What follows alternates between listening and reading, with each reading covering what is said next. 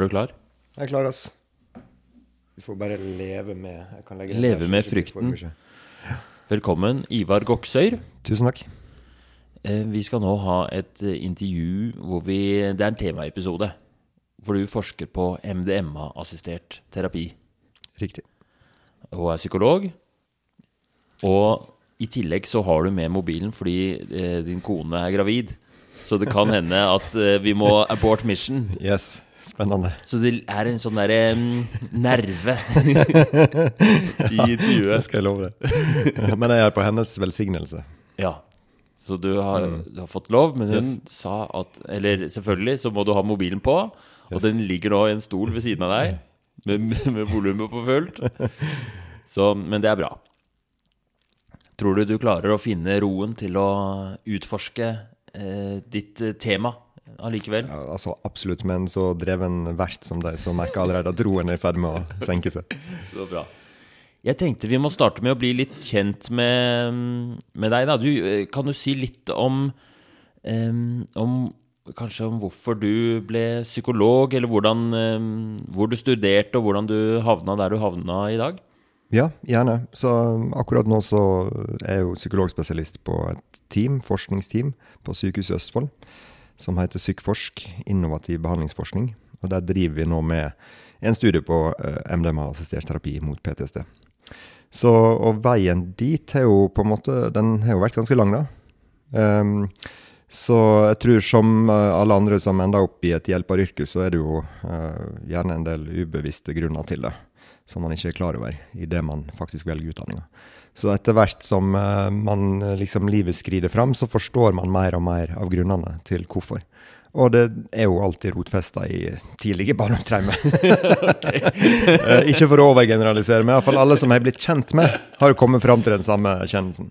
Så det er jo det er ikke noe unntak der. da. Så, så jeg tror det der Det med å få menneskelig lidelse ganske tett på, ganske tidlig i livet, fra barnsben av, og måtte navigere i ganske sånn sterke emosjonelle landskap og understrømmer, har vært avgjørende. Og også observere lidelse til de du er aller mest glad i, dine egne foreldre.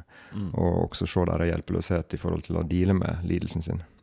Så, så det er nok på de dypere motivasjonsplaner derfor. Ja. Tror du det er sånn for mange Tror du det er likt for leger og psykologer? Det er kanskje en, en viss forskjell på altså når man går inn i en hjelperrolle som handler om det psykiske, på en eller annen måte, så er det kanskje enda mer sant. Altså, Mange velger nok å bli lege av andre grunner også. Det er jo tradisjonelt også vært forbundet med mer status og en egen verdi på den måten. Og, og det er en, kanskje en, en litt annen skål. Men jeg tror det nok gjelder for mange. Det, det vil jeg tro også. Hva var det du syns eh, Eller syns du det var gøy å studere psykologi? Jeg venta vel hele tida på at det skulle bli klinisk relevant. på en måte. Altså, jeg er jo eh, kliniker at heart, og det er jo eh, Nå har jeg jo endt opp som forsker, da, men eh, forsker og terapeut i, i en klinisk studie. Så for meg var jo studietiden en spennende tid. Absolutt. Um, og jeg syns jo vi lærte en del om hvordan man kunne komme i en positiv dialog med folk. og aktiv lytting og danne en slags um, relasjonskompetanse eller en evne til å få folk til å åpne seg og få tillit og sånn. Men um, når jeg gikk ut i arbeidslivet, så følte jeg vel veldig sterkt på også det jeg hadde savna i løpet av studiet. da. Hva gjør man så? Ja. Fordi selv om disse tingene er viktige, bare det å liksom åpne rommet for en, en god samtale, liksom, eh, og at det er en slags grunnleggende forutsetning, eh, altså en nødvendig forutsetning, så er ikke den likevel tilstrekkelig i alle tilfeller. Ja, så du, sa at du hadde liksom Kanskje i de første møtene med pasientene, så gikk det, det var, Samtalen fløt fint, og du hadde god relasjon og klarte å lytte, men du var sånn Hva gjør jeg nå? Nettopp. For noen så var jo det nok og sånt, og i tillegg så kunne man bruke litt teknikker her og der, og tips og triks og råd og verktøy og litt sånn. Og for noen er det nok, men så er det jo slik at for veldig mange av oss så stikker jo ting dypere og har en del mer komplekse lag. Og, og da merker jeg at jeg kom veldig til kort, altså. Så, men, men ehm, så Tror du det er vanlig følelse? Ja, det tror jeg. Absolutt, altså. Man har har sånne behov for å få til noe med pasienten, og så er det murer der som er vanskelig å trenge gjennom. Ja, veldig. Og, og det behovet for å få til noe med pasienten blir jo i seg sjøl en barriere. ikke sant? Fordi dine egne behov kommer inn og kan forstyrre pasientens prosess.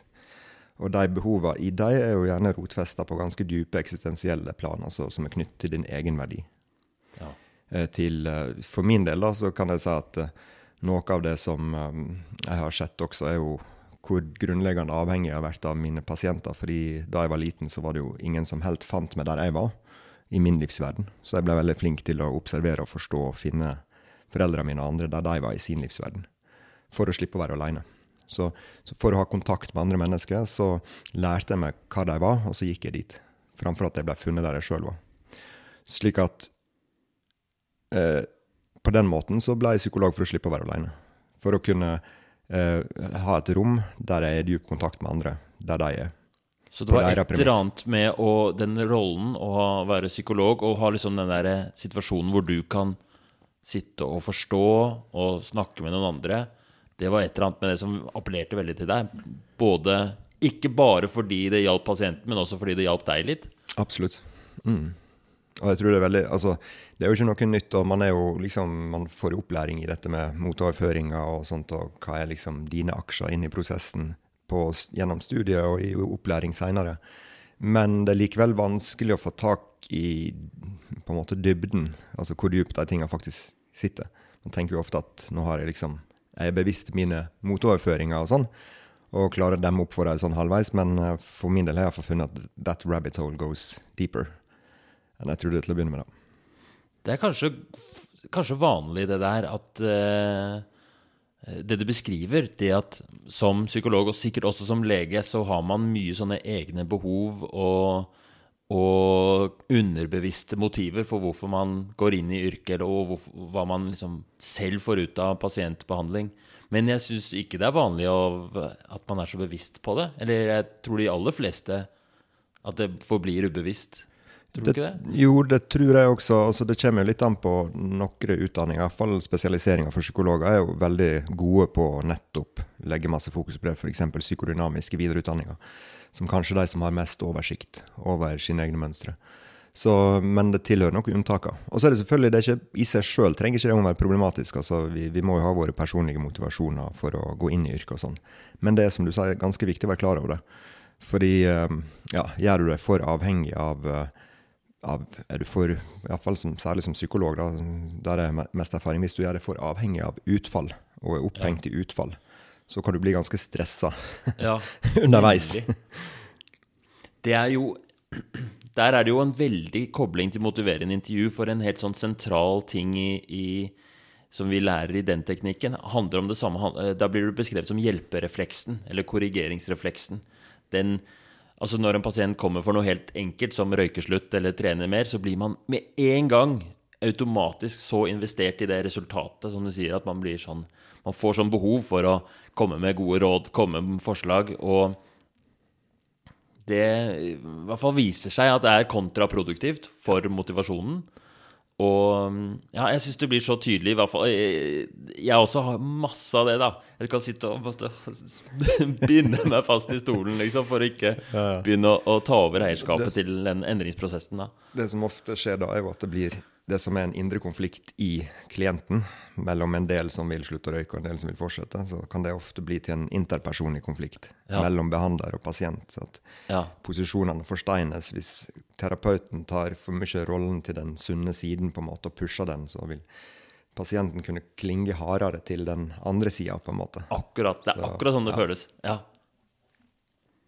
Ok, så du er eh, Du er ferdig psykolog og har endelig fått komme inn i pasientarbeid, som du har egentlig savna hele studiet. Og så Men hvordan, eh, hvordan gikk det så? Hva, mm, hvordan utvikla det seg derfra? Eller Jo, hvor lenge er det altså- siden, bare for å ha Ja, nå, eh, det var i 2009, dette, så det begynner å bli you do the math. Tolv år, er det? Ja. Så, men eh, nei, fra første pasientsamtale der eh, fikk jeg et lite panikkanfall. Er det sant? ja, det er sant, altså. Første Så, pasientsamtale? Ja, ja, ja. men eh, men eh, det gikk jo veldig fint, da. Ja. Det var også en person som hadde med seg mora si, så hun tok jo, tok jo seg av meg. Han ga meg et glass vann, da. Wow, Og så kom vi inn i et uh, fint spor likevel, da, etter hvert. Og, og, og sånt, så det ble jo en, en fin terapi, det, altså. Ja. Eh, Har du lyst til å fortelle om hvordan det arta seg, eller blir det for nært? Eller? Eh, ja, nei, altså, altså jeg, jeg tror det var så mange år liksom med forventning som hadde bygd seg opp til den der første samtalen på Alna DPS oppi det der høye bygget med de veldig sånn uh, sånn skingrende lilla og rosa ganger og dører og alle disse tinga som ligger der fra barndommen om at man har tatt på seg veldig store sko og skal redde folk Ja. og hjelpe folk, og jeg tror alt bare kom opp eh, Sånne kjempestore forventninger til deg selv og til, til eh, det å være psykolog og sånn. og Ja, og jeg tror, jeg tror de gamle følelsene fra barndommen kom opp i meg, rett og slett, på et ubevisst plan. Altså av egentlig å være veldig overvelda sjøl, og ha egentlig veldig behov for trygging og regulering sjøl. Ja. At noen finner meg. Men så tar jeg på meg disse store skoene der jeg skal være den som redder og, Ja. og ordner opp. Og, ja, så det er slik jeg forstår det panikkanfallet nå, da, men det tok jo mange år før jeg hadde det perspektivet på det. Men hvordan, hvordan føltes det, eller hva var det som skjedde? Skjedde med en gang, eller var det Ja, det var med en gang, ja. Så jeg begynte, begynte liksom å prøve å spørre litt, og så bare kjenne angsten komme. Ok. Så, men siden så har det jo gått um, mm, for så vidt meget bedre, da. Etter hvert så tok jeg en utdanning i uh, det som kalles intensiv uh, psykodynamisk korttidsterapi, Ja. ISTDP. Som er en slags ja, det er en psykoanalytisk uh, teori, men med et enda mer humanistisk element i at man har en, et enda mer benignt syn, grunnsyn på psyken. Um, der man har dette viktige begrepet som man kaller den ubevisste terapeutiske allianse, eller som egentlig er det samme som man refererer til som intuisjon, kanskje, eller intuitiv visdom, eller um, Carl Rogers, den gamle humanisten, uh, personsentrert terapi, kalte det indre selvorganiserende visdom. Og i MDMA-terapi kaller vi det indre helende intelligens, da. Som egentlig er en metode som, der du prøver å sette i gang Du leter etter å prøve å innlede en dialog med den sunne sida til pasienten. Og samtidig så jobber du med angst som kommer opp når sunne ting nærmer seg pasienten, og forsvar. Eh, Så jobber du egentlig med veldig sånn aktivt med å hjelpe pasienten fra sekund til sekund, og observere hva er det som skjer inni kroppen din og mellom oss når vi to sitter og prøver å gjøre et eller annet bra for deg. Mm. Klarer du å være i kontakt med meg og deg sjøl samtidig? Og så ser du bare hva som bringes opp. Ok, Så det her er liksom en eh, Fordi her var det mye eh, ja. Det var like Det var mye ganske komplisert, men, men jeg, jeg tror Så eh, denne her, det her er int, intensiv psykodynamisk terapi. Ja. Um, så psykodynamisk terapi, det er um, en type samtaleterapi som er annerledes fra kognitiv atferdsterapi, som går mer på øh, utforske um, eh, ting som dukker opp i liksom, relasjonen mellom pasient og terapeut. Eh, er, det, er jeg på riktig spor? Det er helt riktig. Og, og man jobber på det ubevisste planet, og tenker Ja. at det er ubevisste følelsesmessige drivere til symptomer på overflaten. Ja, ikke sant? Så hvis pasienten har angst for å gå i trapper, så er det ikke det at det er et eller annet galt med trapper, han skal slutte å gå i trapper, men ved å utforske det, så kanskje han finner ut av at eh, et eller annet barndomsminne eller en eller annen eh, behov som ikke har blitt dekket hos han, vekkes til liv uten at han skjønner det. Og så ved å snakke om det, og på, i en sånn trygg setting, så kan han kanskje gå trapper igjen, eller noe sånt noe. Eksakt. Og det at det er intensivt, det er nytt for meg. eh, Eller hva vil det si? Det betyr egentlig at du har en annen type teknikk eller terapeutisk holdning enn man har i mer klassiske former for psykodynamisk terapi.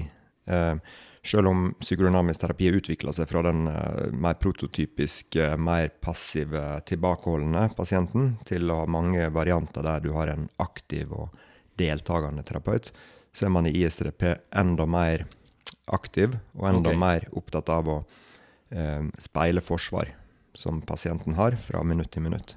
Ja, så du prøver å liksom catche med en gang det kommer sånne Mhm. automatiske responser. Sånn f.eks. at pasienten kan bli sint eller eh, skifte tema eller sånt nå. Så catcher du det og bare sånn Så du hva som skjedde nå? Jeg legger merke til at du skifta tema. Merker du også det? Ja. Var det fordi det var mer relevant å gå dit, eller var det et eller annet ubehag som dukka opp i det? Eller ja, tror du det er best for deg å bli på det temaet vi var på, eller er det best for deg nå at vi skifter tema? Så du er mer aktiv enn en sånn helt sånn der, klassisk psykodynamisk terapi er nesten sånn at du bare sitter helt stille, og så snakker pasienten, og så er det ikke noe styring, liksom. Riktig. Ja.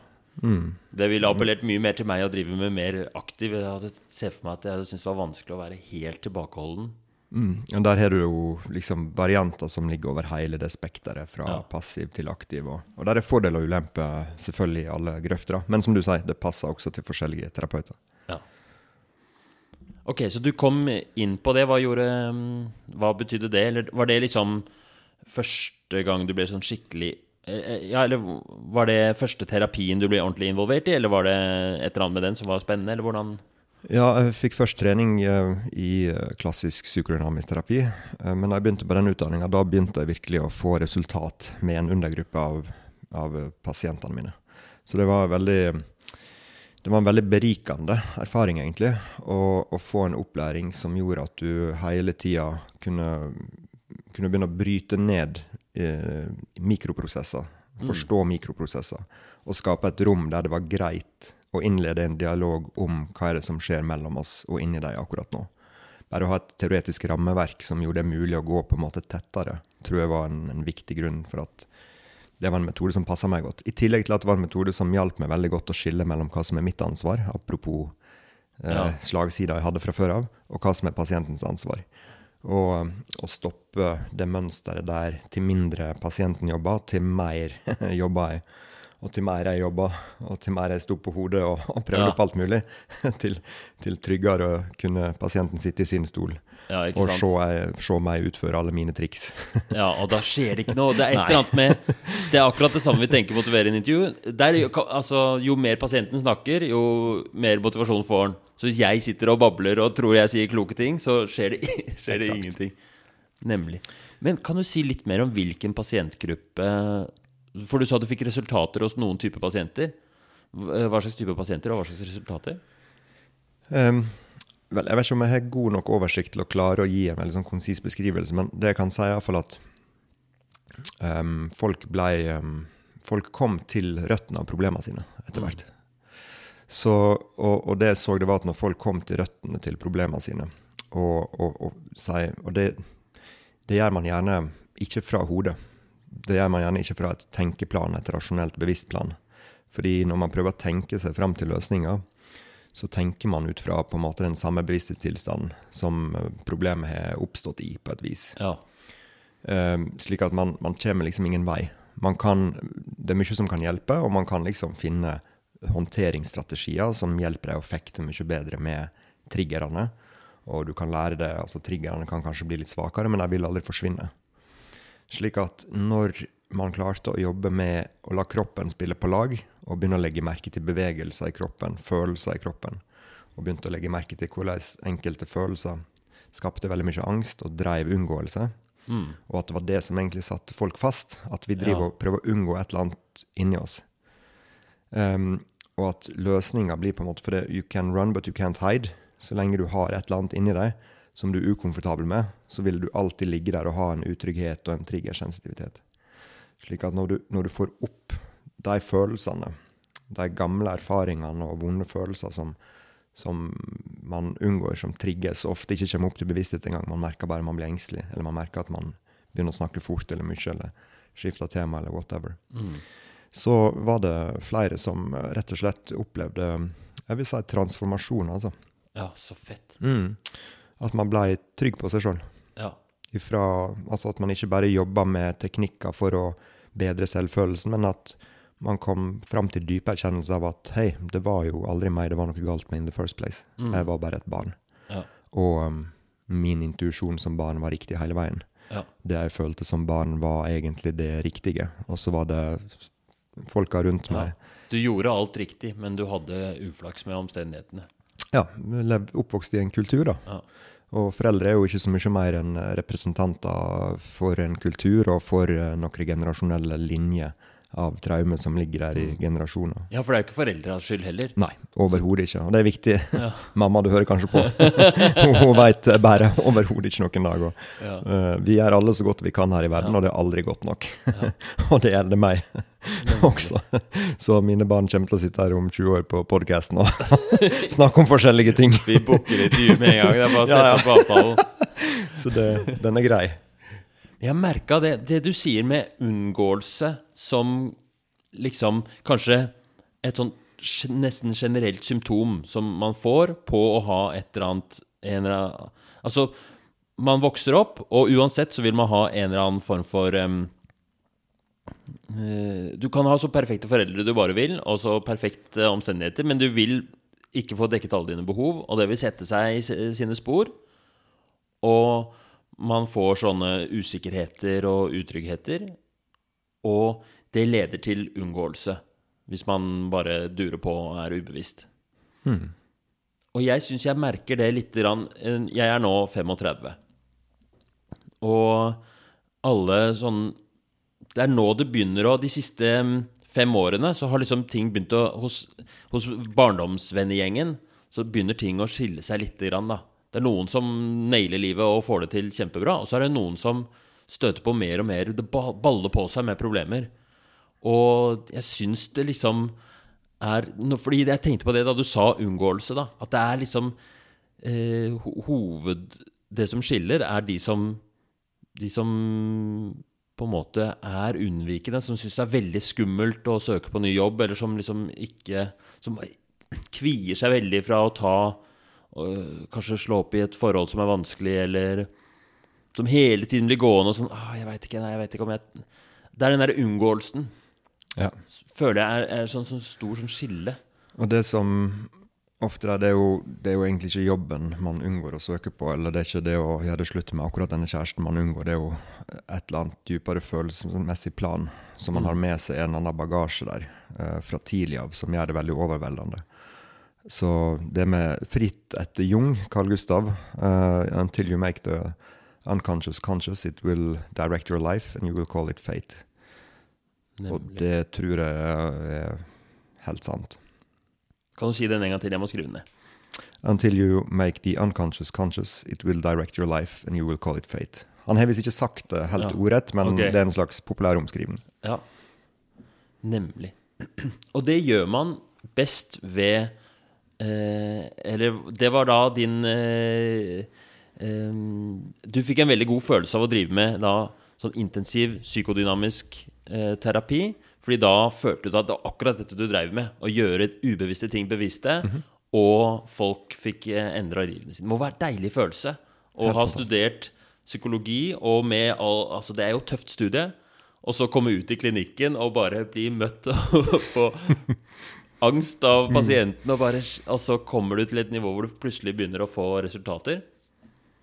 Fantastisk. Ja, altså det var helt uh, vilt fint, egentlig. Altså. Det må jeg si. Og, og det bringer oss jo videre også til, uh, til eh, ja, altså før, vi går videre herifra, så vil jeg bare si at dette jo, det var den metoden som jeg lærte, som hjalp meg. Og sånt. Og så er det mange metoder. Det skjer veldig mye bra i psykisk helsevern, og også metoder som ikke arbeider med det ubevisste. F.eks.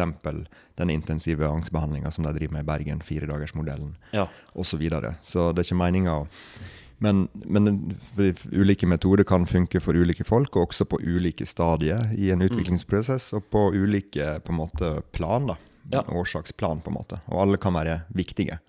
Ikke sant? Og de kan jo virke sammen òg. Absolutt. Så bare så det er sagt. Men for min del så var jo dette min reise. Og det å se hva det gjorde med et, folk, et menneske, men ikke bare ett menneske, også de rundt, partner, venner, familie Når du heler ett menneske, så heler du jo liksom hele den familien. Ringene i vannet går også gjennom generasjoner i etterkant. Så det var veldig fulfilling. Men samtidig så er det jo Ikke sant? Eh, selv om det helende potensialet hadde blitt på en måte hva skal jeg si, bekrefta, at, at det er mulig med dyp heling, at jeg fikk liksom opplevd at det var mulig, og jeg kunne bidra med det, Uh, stadig dypere og med stadig flere, så er det likevel slik at det er veldig krevende å utløse det potensialet. Og det er fortsatt mange som jeg ikke klarte å nå. Og det gjør det nesten enda vondere å ikke nå folk når du ser hva det gjør for de du faktisk når. Ja. Forskjeller på et fritt liv og et halvfritt liv er ganske stort. Ja. For ikke å snakke om forskjellen på et fritt og et ufritt liv. ja. Så, Så fordi du hadde for du fikk oppleve så Altså det du kalte transformasjoner hos noen pasienter, så var det nesten mer frustrerende Mhm. når eh, andre pasienter, som kanskje potensielt kunne hatt akkurat samme nytten, sto og stanga. Eksakt. Så det var det som gjorde at jeg begynte å leite også etter, etter nye uh, måter å arbeide på. Og da kommer vi kanskje inn på, på det som du syns er mest spennende nå.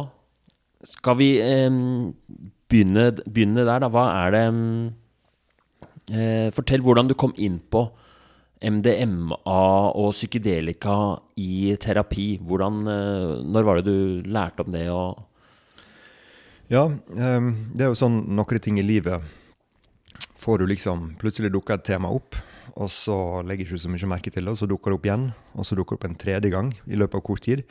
Og da begynner du å ta hintet. Mm. At her er det kanskje et eller annet jeg må slå ja. opp i eller lære meg. Eller. Så sånn var det for meg. da. Det var flere, det var faktisk pasienter som uh, delte erfaringer. Og til å begynne med så møtte jeg jo det med skepsis, og her driver folk med selvmedisinering, og dette høres ikke bra ut, og blir bekymra og sånn. Men etter hvert så syns jeg å merke at det var veldig troverdige historier jeg fortalte. Ja, så det var pasienter du hadde i dynamisk terapi som fortalte at de hadde prøvd forskjellige psykedelika, ja. og var veldig fornøyd med det? Ja, og etter hvert så var det også ting jeg hørte om fra min egen bekjentskapskrets. Og mm, da begynte det å bli veldig vanskelig å bare skulle avskrive det, basert ja. på mine skjema og fordommer. Jeg er jo gammel korgutt fra Sunnmørskysten som visste å, alltid visste å oppføre meg og holde min sti rein og sånt i forhold til alle mulige sånne ting. Ja. Veldig mainstream person, på en måte. Mm. Så, men når jeg først liksom, Når en person som sto meg nær nok, betrodde seg til meg med viktige personlige erfaringer, det var jo det som fikk meg til å begynne å lese for mm. alvor. Og når jeg begynte å lese, så ble jeg ganske forbløffa. Ja. Fordi her lå det altså en lang, lang historie i vårt fag, i mitt fag, liksom, som var helt for tida gjennom hele, studien, hele studiet.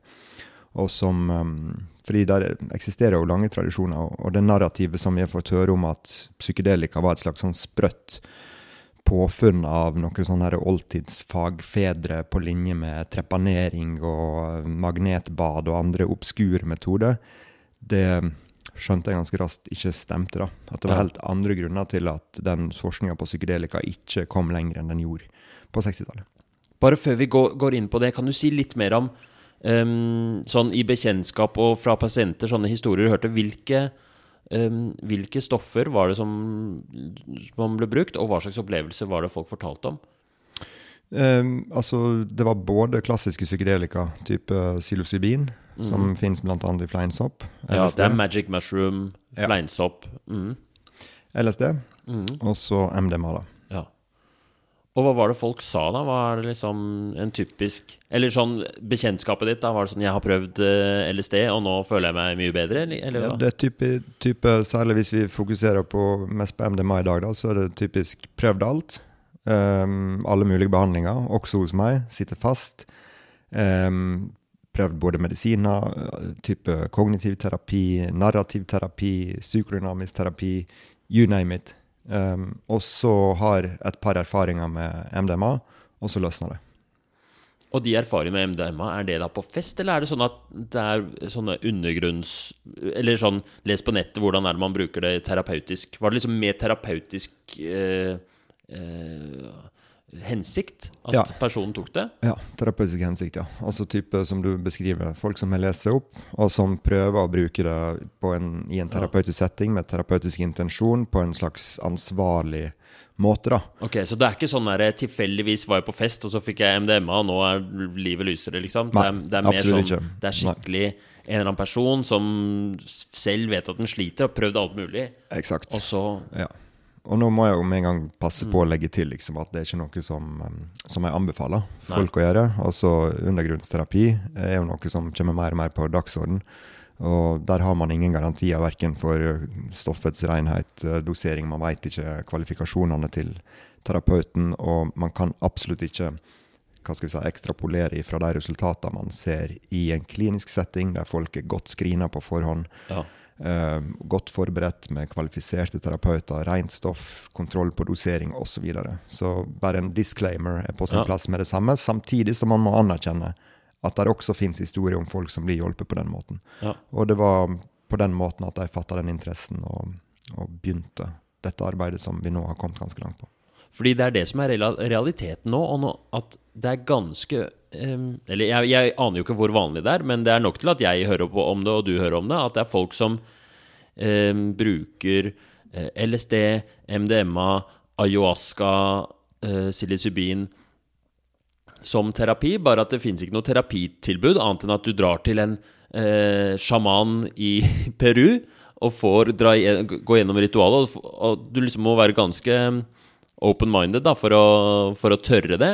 Men, men, men Ja, det må jo være så mye mer risiko ved det enn hvis du hadde gjort det på en på sykehuset i Østfold, liksom. Det høres jo ganske kjedelig ut, men samtidig mye tryggere, da. Ja, mm. ja absolutt. Helt klart, altså. altså. Sånn uh, ayahuasca Det jeg har hørt om det er en kamerat som dro til uh, Amazonasjungelen. Bare det syns jeg høres skummelt ut, da. Å utsette seg for mygg og, og fukt. men, men, da tar sånn derre ayahuasca fra en sjaman, og uh, han fortalte han kasta opp Føltes som han kasta opp alle sine innvoller. Og jeg bare tenker, tenker, på alle ting som kan gå galt, da. Men sitter igjen med med en følelse av at jeg har hatt veldig stort utbytte av det. Og det er som en sånn derre clean Det er sånn Han går jo inn i det ikke fordi han skal ha det gøy og ha opplevelsens skyld, eller kanskje det er litt det òg, men fordi han søker hjelp. Mm. Jeg er veldig uh, det er interessant, da. Ja da, og det er jo Altså, MDMA begynte jo liksom litt sånn i kjølvannet av at de klassiske psykedelika hadde blitt forbudt på 60-tallet. Så leita man jo litt etter andre uh, medisiner som kunne åpne psyken. Framfor de medisinene vi har i dag, som gjerne bidrar til å dempe symptom, men mest kanskje gjennom litt nedsløving eller frakobling. Så, så, det var jo liksom Fødelsen til MDMA var jo gjennom terapeutisk utforskning og bruk. Så man har estimert at over en halv million doser ble brukt i selvutvikling og terapeutisk øyemed på MDMA før det ble forbudt som et rekreasjonsdop. da. Mm. Og, um, så det starta som medisin, yes, og så var det noen som fant ut ok, det er ganske gøy å ta det på fest òg, mm -hmm. så da ble det ecstasy.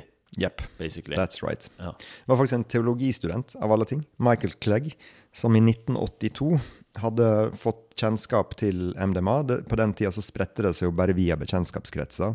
I stuene til folk, eh, der man eh, jobba, med det sammen i familie og i vennekretser. Arbeida med relasjonene mellom hverandre og, og issues i seg sjøl.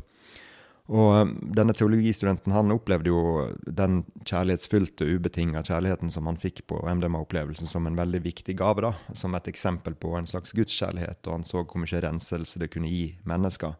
Å kunne bli satt i en sånn tilstand og se på problemer og livet sine fra en, en sånn tilstand av fullstendig aksept og kjærlighet. Så han ble veldig opptatt av å spre det mest mulig, og, mm. og da rebranda han det de på den tida kalte Adam ja. altså stoffet eh, MDMA, fordi det setter deg i en tilstand av primær uskyld. Men han tenkte at Adam, eller empathy, som de også kalte det, fordi man blir veldig empatisk under påvirkninga, eh, solgte ikke like bra som ecstasy. Så ved å omdøpe det til ecstasy, så kunne man nå flere. Mm. Spennende. Så det var en eh, jeg ikke sant, blodkristen fyr mm -hmm. som um som er skylden i at, eh, at, at, du er på rave i Tyskland nå. det hadde nok kanskje skjedd uansett, ja. men han var iallfall delaktig i å framskynde ja. den utviklinga. Ja. Ok, spennende. Det er, det er, jo så eh, Jeg merker allerede nå at det er ganske komplisert å ta den realiteten vi er i nå, og så på en måte Altså, det er mye lettere hvis du finner en nytt stoff som ingen har noe kjennskap til og så gjøre noe studie på det. Er eh, liksom TP-TP noe bra stoff for, eh, for depresjon? Ja eller nei? Mens nå er det så mye eh, stigma. stigma. og tanker og holdninger og sånn på gang allerede. Ja, helt sikkert. Altså, mm. Slik er det òg på den tida så var det jo eh, altså det var mange åndelige ledere som uh, i tillegg til masse psykiatere og psykologer og, og leger som forfekta de terapeutiske kvalitetene, og at det også kunne være et, et middel for arbeidet å arbeide med åndelig utvikling eller selvutvikling. Og det var jo helt ukontroversielt. ikke sant? For det, som du sier, det var bare et molekyl mm. som finnes i verden, som ikke hadde noen fordommer eller attached to it, liksom. Mm. Så det er en helt annen situasjon. Og jeg vil også bare si at når myndighetene i USA eh, gikk inn for å forby MDMA, så eh, ville de klassifisere det i den strengeste kategorien, der det ikke blir tilgjengelig for, eh, for medisinske formål heller. Mm. Schedule 1 er det vel de kaller det. Okay. Men det terapeutiske miljøet hadde forberedt seg og stevna inn staten. Og, og mente at det burde klassifiseres i schedule 3, som betyr at det blir forbudt rekreasjonelt, men at eh, man kan fortsette å bruke det i terapi. Em, og dommeren i den rettssaken han dømte i favør av det terapeutiske miljøet. Dommeren sa at her er det en etablert medisinsk nytteverdi, og misbrukspotensialet virker til å være lavt. Så det bør eh, klassifiseres på en slik måte at selv om det blir forbudt rekreasjonelt, så kan man fortsette å bruke det medisinsk. Ja, Som Men- opium, liksom. Altså Nettopp. alle morfinpreparater som vi Nettopp. bruker masse på sykehus, og som ikke er lov. Nettopp. Men uh, Drug Enforcement Agency, DEA i USA, overprøvde denne kjennelsen. Og um, det som har skjedd siden, er jo selvfølgelig at rekreasjonsbruken, den skjøt jo bare i været. Eh, mens den enda mer legitime medisinske bruken ble jo da umuliggjort. Så resultatet blir jo da at enkelte terapeuter fant det jo helt uetisk å skulle slutte å, å gi Adam, eh, eller MDMA, til sine pasienter. Eh, flere av dem sammenligna det sågar med, med penicillin. When you discover the penicillin of the soul, you don't abandon it just because it's made illegal. Ja, ikke sant? Så du sitter mange eh, terapeuter når det, her var på 80-tallet, Stemmer. så, som faktisk For da brukte man MDMA med pasientene. Mhm. Og så blir det plutselig Mhm. ulovlig, og så er det sånn Hva skal jeg gjøre nå? Og da begynte de å bryte loven, da, fordi de Nettopp. Og da kan man jo Altså, det menneskelige ego har jo lett for å dømme fra utsida, ikke sant? Og det er våre egne erfaringer danner stort sett en horisont for hva vi tror er mulig. Slik at um, og, og selvfølgelig så Det å sammenligne med antibiotika er jo drøyt, fordi det er jo ingenting som er gjort mer for verdenshelsen. og Analogien er overforenkla, og med kun anekdotisk bevisføring så risikerer du å heller framstå useriøs og, og blenda på en måte, og frelst. Men jeg tror likevel er, man skal være litt forsiktig med å avskrive det helt, liksom. Og, og kanskje i alle fall bli nysgjerrig på hva er det som får folk til å bruke såpass store ord. mm. Kanskje er det ingen uh, ild uten røyk, på en måte. Og um, det sier iallfall noe om hvordan mange følte om det. Uh, sikkert slik som jeg ville ha følt det hvis denne intensive psykodynamisk terapien plutselig skulle bli forbudt. Ja, ja. Ikke sant? Når jeg ser hva det har gjort med mange. Skulle jeg slutte å bruke det, liksom. ja. Um, så, men mange var villige til å ofre da liv og helse og fengsel og lisenser for å fortsette å gjøre det de mente var riktig. Ok, så da, da må vi spole litt da til, fordi nå vet vi at um, psykedelika Du har det klassiske psykedelika, psilocybin, LSD, og så har du MDMA, som er en litt en egen klasse, men som er fortsatt psykedelika. Det har, blitt, eh, det har vært forbudt i mange år, men det har tidligere vært en terapeutisk eh, tradisjon for å bruke det. Og folk hadde virkelig inntrykk av at det funka.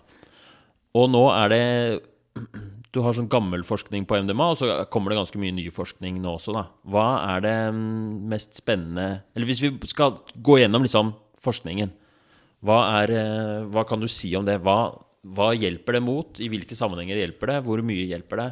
Ja. Så her kommer vel kanskje det, det kalde vannet i årene inn, da. Ja. Den er tynn, forskninga.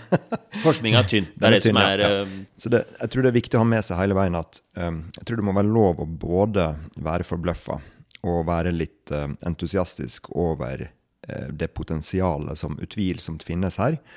Og samtidig være ydmyk over at vi vet altfor lite fortsatt om hvordan til hvilken grad dette potensialet kan Mm. utløses på reliable måter, for hvem, hvordan, når, hvorfor osv. Ja. videre så, så la det være sagt med en gang, og, og, og la det være noe som, som man har med seg. og Det er derfor også at man, man, man gjør denne forskninga og sånt. da. Så, men eh, det vi Altså fra gammelt av, 80-tallet, så var det ingen godt kontrollerte studier. Em, det var noen brukerundersøkelser og sånt, som konkluderte jo med at det var liksom veldig flere bruksområder og dype transformasjoner og sånt. ja. Og man har intervjuundersøkelser fra også, altså både pasienter som brukte det, men også da terapeuter som brukte det, og man har en del hint. da. Det er bl.a. terapeutene som ble intervjua. Noen av hovedkonklusjonene er at MDMA hadde et unikt potensial i å omforme veldig tidlige tilknytningsbaserte mønstre. Mm. Altså tidlige relasjoner sin, sitt imprint på seinere atferd og selvbilde. Som jo er det vi jobber mest med, som er det seigeste og mest gjenstridige å arbeide med i terapi. da. Mm. Mens Si det en gang til. Hva er det som, er, det, som er det seigeste? Gjerne de tinga som har satt seg i personligheten vår fra tidlig av. Ja. Altså f.eks. måten vi har blitt speila på opp igjennom, som flink eller ikke flink, eller, Mm. eller sånn tidlig skam som har kommet inn, der visse behov og følelser har blitt belagt med skam eller skyld, eller der det ikke er ok å være redd, eller der det ikke er ok å trenge noe. Ja, så hvis noen har fått en, eh, en eh, depresjon i senere alder pga. kanskje noe som har skjedd, det har vært en de har fått en krisereaksjon, det går fort, det er lett å behandle. Mens eh, en person som har utviklet Kanskje pga. Sånn veldig spesielle kår, og sikkert også genetisk, da, men, men eh, i barndommen har utviklet en personlighetsforstyrrelse, liksom, og ikke klarer å la være å, å klikke hvis noen Dette var en dårlig beskrivelse av person. Men, men det, det som er vanskelig, er liksom disse Det som er blitt integrert i personligheten fra tidlig av. si eh, si eh, forskjellen på en som sier kjærlighetssorg, da. Mm. Normal kjærlighetssorg etter et brudd, og en som får en depresjon etter et brudd, Ja. handler jo gjerne om at kanskje dette bruddet virvler opp noen gamle, ubearbeidede følelser av å være, ikke være elskbar fra gammelt av. For eksempel, og kanskje var det i det at han da begynte å få opp en del av sine sårbare sider i et forhold som man hadde klart å skjule i et par første åra, og så endrer det på dynamikken, og så skjer det et eller annet uh, som gjør at det blir slutt. Så vil han få opp veldig mye av de vonde følelsene av at hans egen sårbarhet er helt utholdbar i verden, og at det finnes ingen mulighet for han egentlig å være heil. Ja, og blir, kunne. ja, ikke sant? som har det helt dypt inni seg, så er det noen sånn oppskrift, det er noen eh, skikkelige operativsystemer som gjør det veldig vanskelig å, å, Programmering. å, å håndtere livet. Og de tingene er vanskelig å gjøre noe med. Det sitter så dypt. Yes. Så det var det de terapeutene som uh, jobba med det i den gamle æraen, eh, kanskje trakk fram som det mest unike bidraget. da. Og det er interessant, fordi hvis man skal begynne å gå over til nyere forskning eh, I 2019 så kom det en artikkel i Nature. Um, og det, det de fant der, det var at de hadde gitt MDMA til mus. Artig studie. Og det er jo med mus som med mennesker at vi har våre kritiske utviklingsperioder. da. Ja. Ikke sant? Der man antar at hvis du har fått inn noe i denne perioden, som du ikke burde fått inn i deg, så er det veldig vanskelig å bli kvitt det. Og særlig hvis det er noe du burde ha fått i denne perioden, som du ikke får i den perioden, så er det veldig vanskelig. F.eks. språklæring er jo en ting. Eh, hvis du ikke får språkstimulering på det språket i en gitt periode, så er det mye vanskeligere å lære seg. Det vil ikke sitte i ryggmargen på samme måte seinere. Og sånn er det også med en del emosjonell læring. Så det man ser i dette studiet der man ga MDMA til mus, er at eh, mus som er voksne, lenge etter at de slutta å la seg påvirke av sine medmus, begynner igjen, ikke bare under MDMA-økta, men også i flere uker etterpå, og la seg påvirke av sine medmus. Jeg bare syns det er så morsomt å se for meg de der eh, Når du sa MDMA-økta Hvordan oppfører musa seg da, liksom? Eh, Jeg er ikke helt sikker. Jeg vet at blekkspruter, som regna som noen av de mest asosiale dyra i verden, og som også skilte seg evolusjonært fra oss mennesker for uh, gud veit hvor mange hundre tusen eller millioner av år siden, uh, begynner å klemme hverandre på MDMA. Blekksprut i det. En åttearma god klem. Um, så, men, men jeg vet iallfall fra denne studien at, uh, at mus begynner å, å la seg påvirke av sosial belønningslæring, var det de så på her. Mm. Ja. Så de blir mer mottagelige for nye, ny utvikling? Nettopp. Mm. Påvirkning fra peers, på en måte. Og så Forfatterne framhever jo da også at dette kan jo potensielt ha, hvis det har overføringsverdi til mennesker, da, store implikasjoner for lidelser der sosial læring spiller inn, på en måte. Mm. Og det gjør det jo absolutt når det gjelder psykiske lidelser, i alle fall. Selv om det er et sammensatt bilde. så... Ja. Uh, og det gir jo en, en slags indirekte eksperimentell støtte til disse tidlige uh, observasjonene av at eh, det var særlig disse tidlige innprinta fra tidlig utviklingsperiode, som vi vet er veldig seige å endre seinere, som ser ut til å kunne Kanskje, kanskje er det slik den virker, da, altså at den gjenåpner nervesystemet, slik at man kan påvirke inn i perioder av utvikling som man har ansett tidligere som stengt eller utilgjengelige. I så fall så er man med en veldig viktig medisin å, å gjøre. Og, og det her er også noe som jeg savner litt i debatten om psykisk helse og sånn, så er det jo helt enig. Bedre rammevilkår og bedre tid, mindre skjemavelde, eh, implementering av virksomme metoder i, i, i større grad, i bedre grad, er veldig viktig.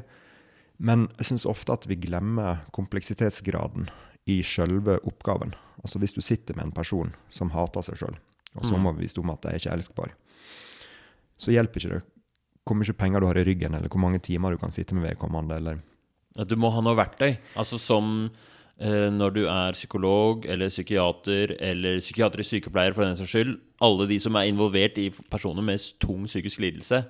Det er ikke mm, Ja, det er, det er ikke nok å bare snakke med personen mer. Du må ha liksom noe å snakke om, eller noe Ja, ikke sant? Og, og til og med når du nevner verktøy, altså hvordan ser det verktøyet ut? Som Ja. liksom, Hvordan ser den skiftenøkkelen ut som liksom skal, skal inn der, og så logge inn på en eller annen synapse, da, og så skal man den der hate seg selv-synapsen, er det den man skal finne en medisin som går inn dit? Altså, det er liksom Det krever alle som har prøvd å snakke en person til fornuft, eller du har en venn som sliter og ser mørkt på ting, vet at ja, du som driver med motiverende intervju og, altså, Det er ikke sånn det fungerer, på en måte. Og det er ikke sånn at det, det er ikke så lett på de djupeste nivåene at en, et helsepersonell skal komme og behandle, på en måte, eller Mm. komme og utøve en behandling på vedkommende. Dette, dette er noe som er starta på et djupt sted i pasientens eksistensielle og følelsesmessige verden.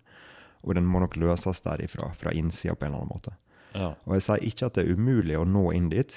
Uh, man har mange personer og mange metoder og sånt som, som er dyktige, som er flinke, som jobber på de dypeste nivåene i psyken. Men det er ofte veldig krevende å lære seg de metodene. Det tar ofte veldig lang tid. Mm. Og sjøl om du går ut, legger ut på en sånn reise, så har du veldig få garantier for hva utfallet vil være.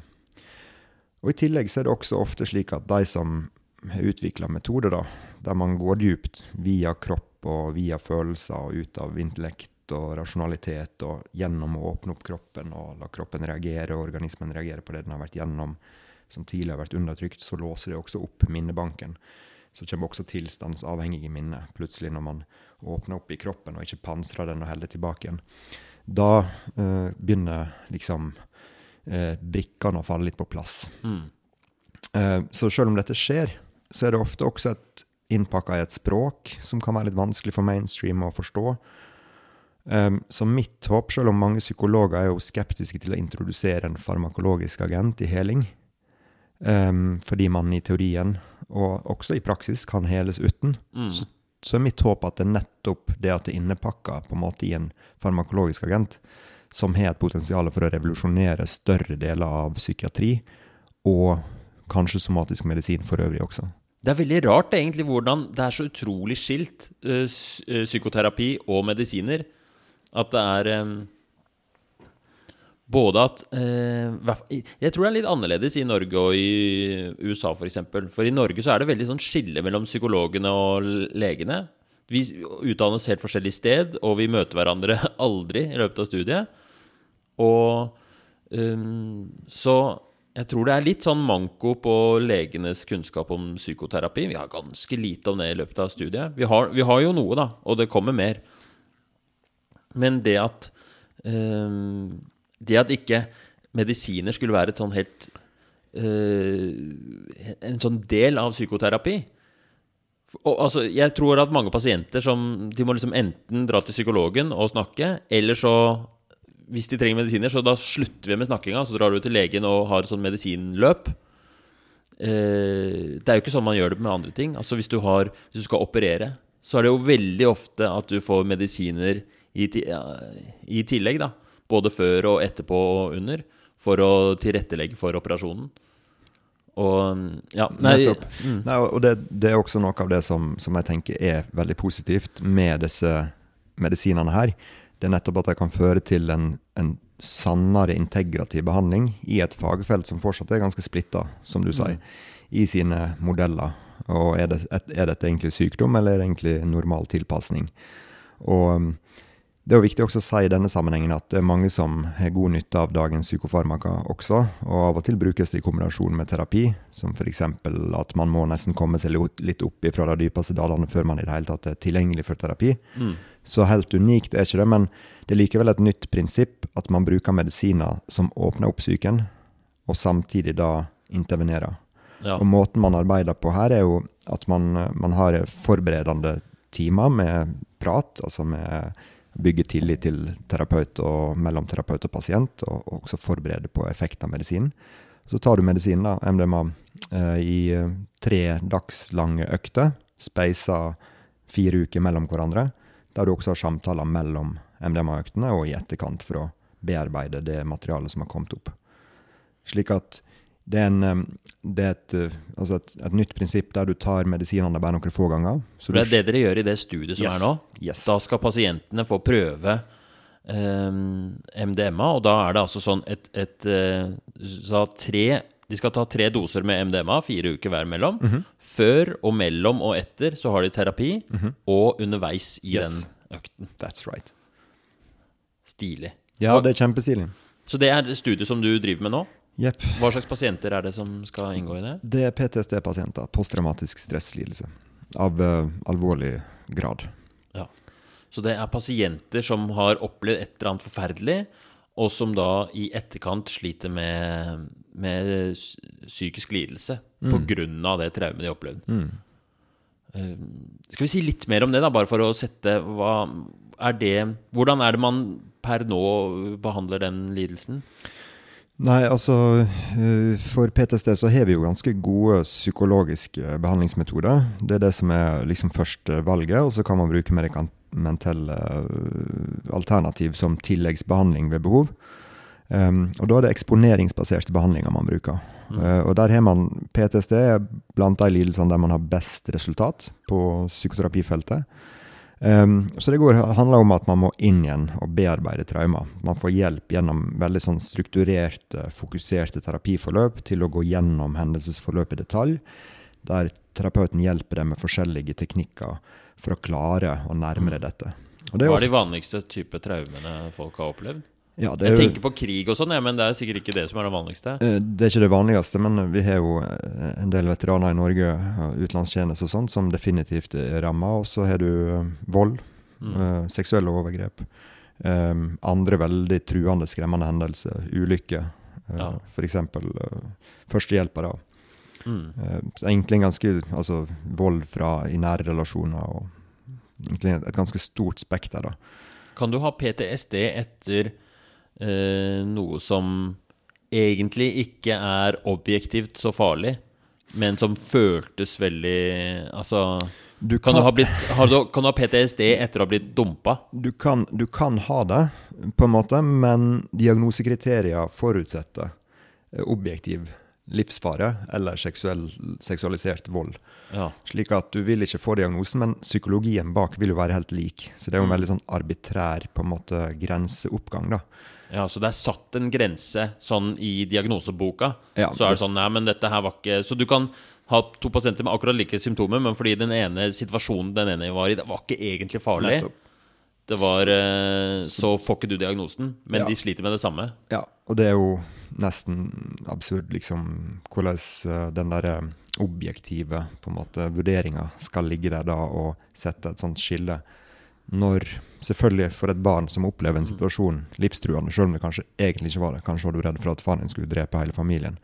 Selv om faren din aldri var i nærheten av å skulle drepe hele familien, Ja. så satt jo, fikk jo det barnet PTSD.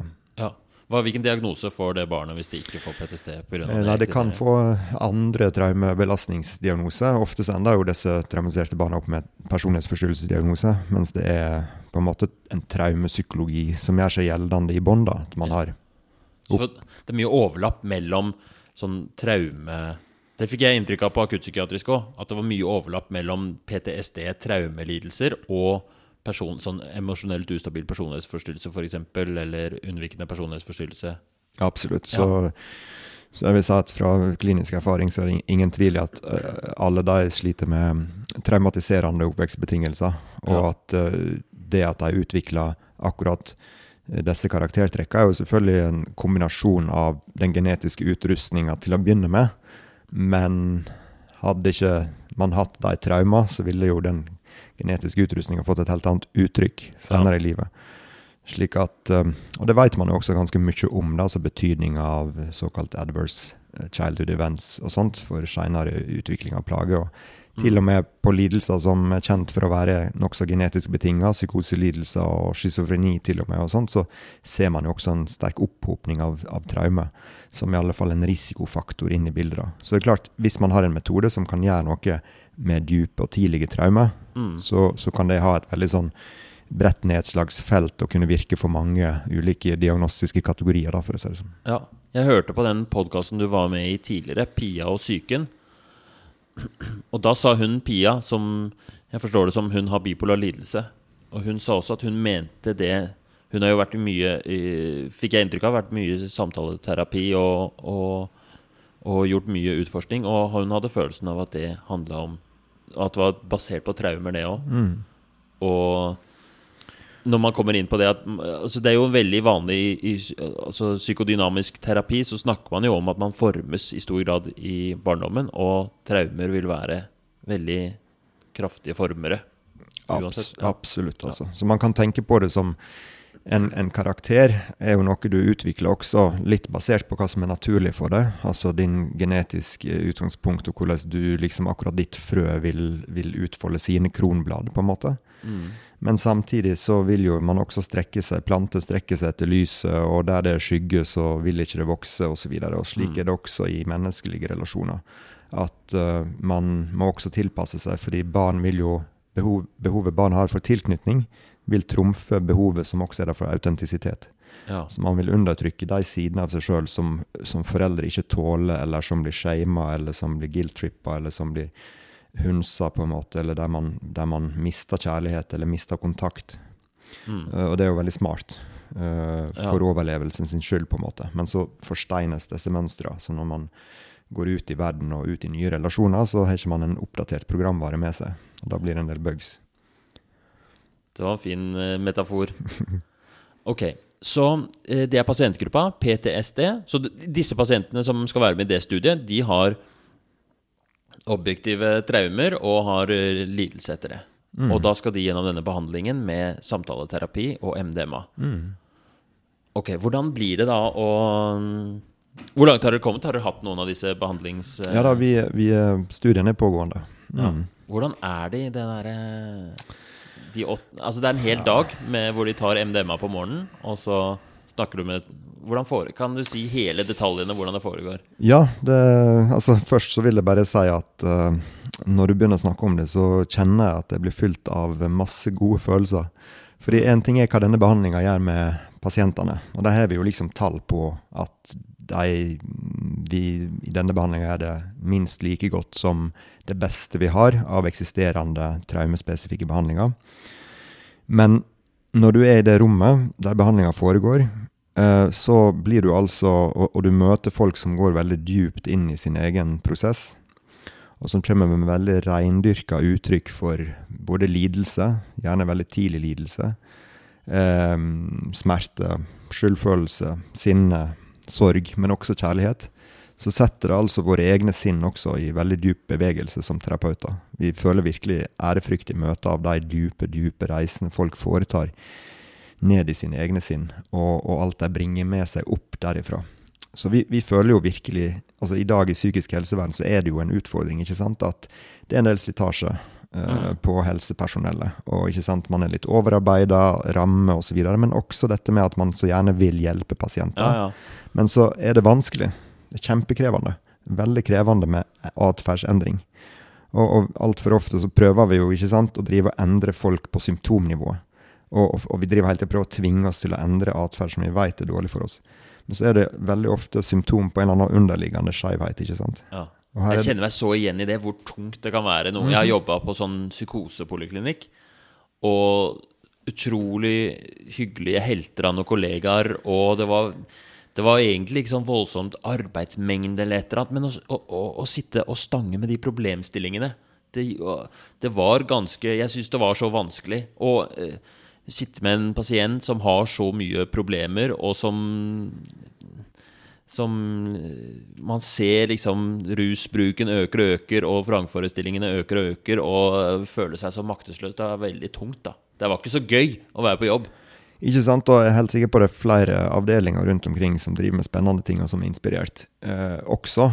Eh, så det er et sammensatt bilde. Men, men det er jo ma mange som blir syke av å jobbe som helsepersonell. Og, og det jeg kan si, er at i, i Moss der nå, å få lov til å drive med den behandlinga, er noe som gjør oss på ingen måte emosjonelt utbrente, men emosjonelt glødende. Yes. Og vi blir absolutt ikke sånn empatitrette. Vi blir empatibomba. Og vi føler vi, eh, vi har liksom egentlig the times of our lives, altså karrierehøydepunkt. Og det å, det å liksom kunne få lov å arbeide synergistisk da, med denne katalysatoren for de terapeutiske prosessene som MDMA er, og, og se hvor dypt det går på en reliabel måte. Liksom Hver gang så går man dypt.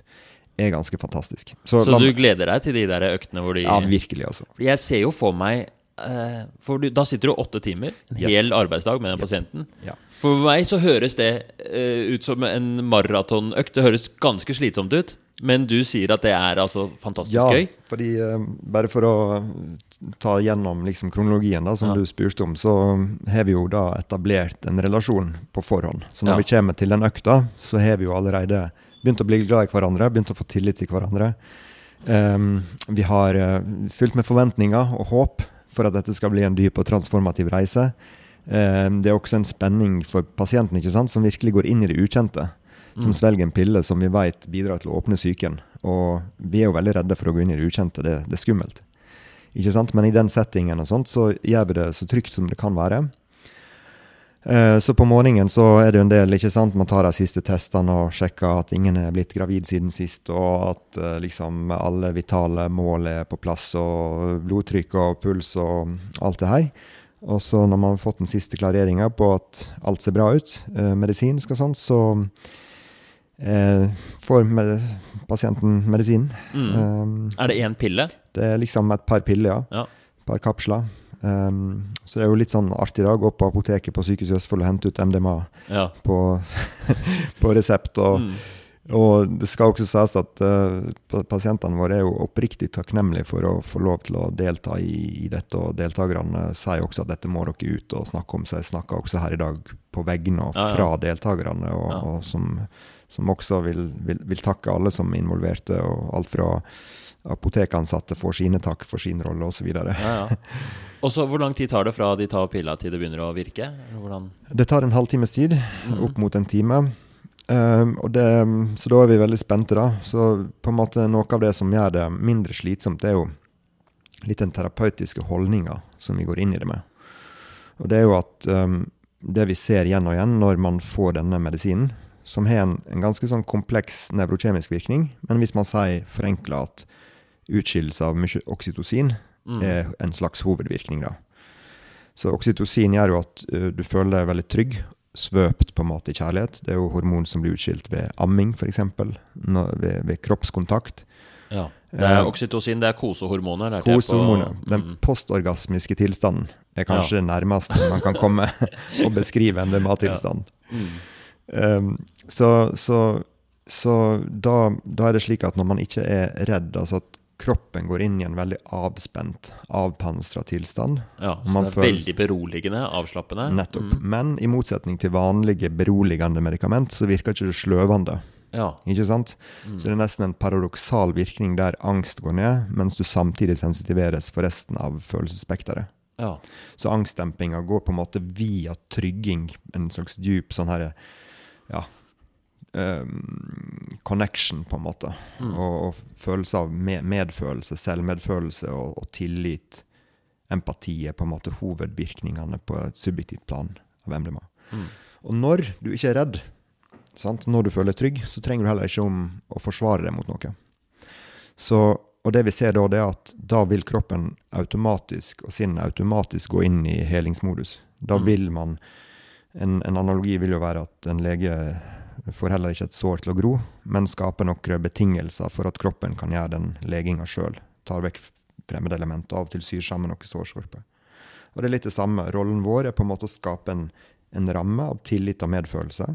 Så pasienten opplever tillit og medfølelse fra oss. At du veit, ditt indre veit, hvordan det skal hele seg sjøl. Og så kommer den tilliten og medfølelsen også innafra ved Ja. hjelp av medisin. Oksytocinutskillelse. Og i den tilstanden så ser vi at spontant så begynner bare kropp og sinn å, å arbeide. Og det som vanligvis er problem i, i PTSD-behandling, er jo at man blir fort overvelda hvis man går inn i traumene. Ja. Så man ender med å holde traumene på en veldig stor avstand. Man skrur av, liksom. Man skrur av seg sjøl, man blir nummen og sånt, og man Mm. begynner å unngå triggere i livet. Ja, så typisk en sånn samtale med en PTSD-pasient, så begynner liksom Hvordan kan du gå tilbake og huske på traume, og så bare Å, nei, nå blir det for mye, og så orker Nettopp. ikke mer. Mm. Nettopp. Så, så de problemene blir minimert i den tilstanden. Så at eh, helt spontant så begynner pasientene å gå gjennom traume. Ja. Men ofte så er ikke det slik at det er dit de begynner. Det er andre ting som må gjøres først. Og et fenomen som vi ofte observerer, det er jo skjelvinger som oppstår i kroppen. ja. Eh, nevrogenisk skjelving kaller man det, som, Mm. som ligner på det dyr på savannen etter at de har vært i tigerens gap, men likevel unnsluppet. Rister av seg på en måte den voldsomme energimengden, følelsesmengden, frykten som har kommet inn i kroppen Mm. i noen minutter, før de liksom spretter av gårde og videre. Mens, Mm. Og barn i bomberom gjør det samme, de sitter og skjelver. Mens voksne i bomberom de har lært seg å overkontrollere det som er naturlig for organismen. Ja. Så, og, og det kunne man si er på en måte litt det som, det som skjer, da. At organismen blir satt i en tilstand der den ikke føler seg trua, slik at den kan begynne å avreagere, eller reagere på alt den har vært gjennom. Hmm. Um, og når kroppen får begynne å reagere, og kroppen løser seg opp Man snakker om dette muskelpanseret, at man, man kan få en positur og små kontraksjoner i muskler, både i viljestyrt muskulatur og i glatt muskulatur, som kan bidra til å um, hva skal vi si, hindre følelser i å bevege kroppen. Følelser kommer jo av ordet emovere, som betyr Mm. bevegelse. Uh, og det er vi veldig redde for. Det er et kontrolltapet som ligger når kroppen tar over en reaksjon. Men i MDMA-behandling, i den tilstanden, med økt trygghet, så lar man på en måte kroppen lede an. Ja, så det, det, det som skjer først, er ofte at det kommer skjelvinger, og det kommer bevegelser og, og sånt noe, Mm. før de begynner å snakke. Nettopp. Ikke alltid, men det er en, rute. Ja. Og også når etter disse bevegelsene kommer, så kommer det ofte også gjennombrudd til veldig dype følelser. Ja. Altså akkurat som at når kroppen er mer avspent, og sånt, så, så er den også tilgjengelig for å jobbe seg gjennom ting. Andre ganger så er det mindre skal vi si, mindre dramatisk, altså at folk ligger helt rolig, Ja. helt stille. Det er ikke det de har behov for, men at de får opp veldig mye spontane indre bilder, Ja. La meg ta ett eksempel. Det var en person. Han beskrev livet som å stå midtskips på, et, eh, på ei skute i piskende storm, uten navigasjonsevne, fast ankra, ufrivillig, i bånn, henger Ja. fast i en kjetting, uten mulighet til å komme seg over i smulere farvann. Så helt nytteløst uansett hva han prøvde ja. på. Han så. Maktesløshet beskrives, Nettopp. liksom. Kaos. Mm. Så beskriver når, når han fikk eh, MDMA-en, så var det som å stige inn i en dykkerklokke Ja. og bli senka ned i stillheten som herska under vann. Ja. Og da plutselig kunne se helt klart ut gjennom glasset. Mm. Og derfra så lot han seg synke ned i dypet, Mm. kunne se bare sånn krystallklart forskjellige hendelser og avleiringene som de hendelsene hadde satt i psyken hans, ja. på ulike nivå. Og mange ting var veldig overraskende for han. Ikke så mange nye kaniner, sånn ubevisste glemte minner, liksom. Ja. Det kan også skje. Men ting som han visste om, men han ante bare ikke at det lokka inn i akkurat denne problematikken. Um, helt nedover til de mest grunnleggende røttene veldig tidlig i livet. Der han kunne se hvordan han, når han var liten, han, når han ble redd, så ble han alltid shama for det. ja. Han burde ikke være redd. Han ble liksom dytta ut i verden. Og det er jo et dilemma som mange foreldre har. ikke sant? Hvor Ja. mye skal man på en måte anerkjenne og trygge barnets angst, og hvor mye skal man utfordre barnets angst og på en Mm. måte pushe utover? Og Der er det kanskje en, der har jo ulike foreldre kanskje ulike slagsider i forskjellige retninger, men som samfunn så tror jeg kanskje slagsida ligger i retning av å pushe for mye, Mm. og at det liksom er feil å være mer sensitiv. ja. Eh, Så at vi lager noen normer i samfunnet der Kanskje i hvert fall på gutter mer enn jenter. Kanskje særlig for gutter. gutta. Særlig for gutta, helt klart. Sånne ting Mm. virker inn, ikke sant. Så, så ser han bare hvordan det har egentlig Det at han begynte å skamme seg over sin egen sårbarhet, det har egentlig kommet indirekte til uttrykk gjennom alt i livet seinere. Ja. Altså særlig gjennom overkompensering. At han liksom måtte ta lange steg, en god trygghetsavstand til å skulle være sårbar. Så derfor gjør han seg mer si, uovervinnelig, usårbar, ja. whatever. Det høres litt ut som den innsikten man kunne fått etter liksom på 14. terapitimen. Ja, eller er kanskje sånn- 140 andre. Ja, ja, nemlig. Og ikke bare en innsikt i det. Fordi den innsikten er jo at det er liksom den skammen for frykten som på en måte var skipperen på skuta egentlig hele tida. Som, som ideen liksom ikke kunne tillate seg å være sårbar i noen sammenhenger. Så blir det jo en veldig skeivhet, ikke sant. Ja. Og i tillegg, når han da har den forakten for sin egen sårbarhet, så er det fort gjort at man begynner å forakte andres sårbarhet. For er du Ja. ikke tåler deg sjøl, det er jo ofte vanskelig å tåle andre også. Og da har du det på en måte gående. Ja. Vanskelig å danne og opprettholde gode, nære relasjoner på det viset. Ja, for det her er en person som har mye problemer i hverdagen.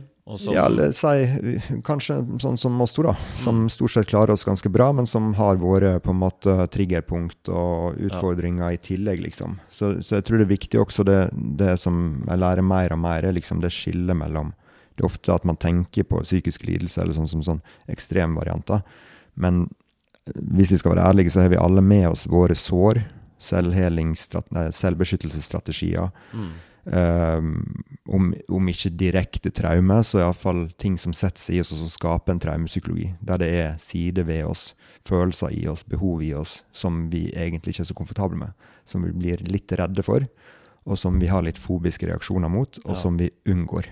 Og som skaper ubalanser i livet våre. Så, så det er på en måte mer når dette blir enda mer uttalt, kanskje på flere fronter, når det er enda mer dramatisk liksom risiko for å tape av relasjoner og kjærlighet fra tidlig av, at, at dette kanskje manifesterer seg veldig tydelig som funksjonssvikt i livet og, Ja. og lidelser, på en måte. Men, men vi har alle varianter av det som er vokst opp i denne kulturen. ja. Hva er det du gjør da, når du, eller dere som terapeuter, eh, hva er liksom din jobb? Det er å Du sa å vise tillit og medfølelse. Og er du veldig mye stille, eller stiller du mye spørsmål, eller? Vi gjør så mye som trengs, men som lite som mulig. Ja, ok. Mm, så, så vi er der først og fremst for å støtte opp under pasientens prosess, slik som den utfolder seg. Mm. Og, og på en måte jobbe med denne her, jeg tror det med å ha forventninger, og det å veldig gjerne ønske å komme til et sluttresultat og sånt, det er noe som alltid står i veien. Mm. At heling, det skjer alltid i nuet, Ja. i å være med det som skjer akkurat nå. Og ved en dyp, radikal aksept av the present moment. Så, så i den grad vi prøver å gjøre noe, så er det å prøve å hjelpe hele tida pasienten til å være der du er akkurat nå. ja, nemlig. Når pasienten blir liksom fortvila fordi 'Å, jeg hadde jo lyst nå til å nå et sted med ubetinga kjærlighet til meg sjøl', Ja. men nå kommer det opp denne delen som angriper meg sjøl, og, som- og sånt. Da er det prøver- riktig, liksom. Da er det da, der du da er det skal helt være. riktig. Da er det der du skal være. Da trenger Ja. du å bli kjent, bedre kjent med den delen som angriper deg sjøl. Og hvordan forstår du den ifra denne bevissthetstilstanden? Ja. Og, og, og, og, så det å slutte fred med alle sine ulike deler, og integrere og forstå dynamikken, og forstå rett og slett hva er det som fører til hva i psyken, kausalitetsforståelse, er jo noe som dessverre er veldig mangelvare i psykisk helsevern, altså blant Ja. helsepersonell. Altså Vi forstår egentlig, vi klarer aldri helt å enes om hva er det som fører til hva. Hva er det primære, sekundære, tertiære osv. Men dette er en anledning når psyken åpnes, man er trygg, til at den enkelte kan gå inn og, og se på dette sjøl. Ja. Og det er helt sprøtt hvor mye visdom vi har Mm. på innsida. Altså alt folk forstår og husker og ser når man bare er trygg. Ja, for det er det inntrykket du sitter igjen med. At de her, Ja. wow, så, wow, så stor innsikt du hadde, liksom. Hvordan skjønte du det? Ja, ja, vi, vi blir ofte sånn forbløffa. Det er sånn her Oi, det her kunne vi jo aldri liksom tenkt oss på forhånd. Dette Ja. er jo ikke sånn. Det er ikke sånn Av og til så er det jo, klaffer det veldig godt med sånn standardteorier eller sånne her klassiske mønstre Mm. som, man- som man gjerne beskriver. Men ofte er det veldig, veldig overraskende vendinger også. Ja. Um, og det er jo, terapi er jo ofte når man overrasker seg sjøl. Når det kommer Ja. opp en kanin opp av hatten, en puslespillsbrikke som du ikke visste, og så plutselig så Hei, gir, folk, gir ting mening, da? Likevel. Og, og ofte ser vi at ting er mindre komplisert enn man skulle tro. Og det er også veldig deilig. At sant, etter at når du har levd et langt liv, da, som du sier, man kommer opp i midten av 30-åra, og kompleksitetsgraden i livet kanskje øker litt, ikke sant, og så begynner man liksom å se det utkrystallisere seg forskjellige utfordringer som kanskje ikke var like synlige tidligere i livet. Og en måte å se det på er også at hvis du først får en tidlig skjevutvikling og havner litt sånn på feil kurs, på en litt uautentisk kurs, så til flere år som går, til mer havner du liksom ut Ja, ja. Mm. fra den kursen du egentlig skulle på. Så veldig mye handler om følgefeil av veldig tidlig skjevutvikling, der Ja. man egentlig ikke klarer å Eller ikke helt blir møtt, eller klarer å utvikle en trygghet uh, på den du er, da. Mm. Det syns jeg var et godt Eller det gir veldig mening, det der med følgefeil. At det, ikke, det trenger ikke å være en stor feil, men det, man lever jo la, i lang tid. Ok.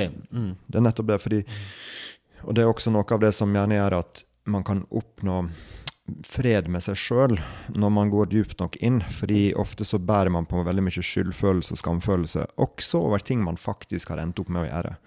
Altså Hvis du først blir veldig utrygg, f.eks. eksempel med han som ikke tålte sin egen sårbarhet fordi faren hans ikke tålte sårbarheten, fordi hans far igjen ikke tålte sårbarheten, og fordi alle er embedda i en kultur Som ikke eh, tåler sårbarheten. Ikke sant? Um, og som kanskje ble ekstra uttalt akkurat i den familien fordi det lå en del Si det lå noen ekstra heavy tap eller noen dramatiske hendelser som var ekstra trøblete å deale med. Så fikk denne personen ble den ekstra sårbar da, Mm. når det var mer bagasje, og samtidig et tabu i forhold til å ha normale reaksjoner på den bagasjen, så, så ble det vanskeligere å leve i samfunnet for den personen enn en som ikke var like utfordra.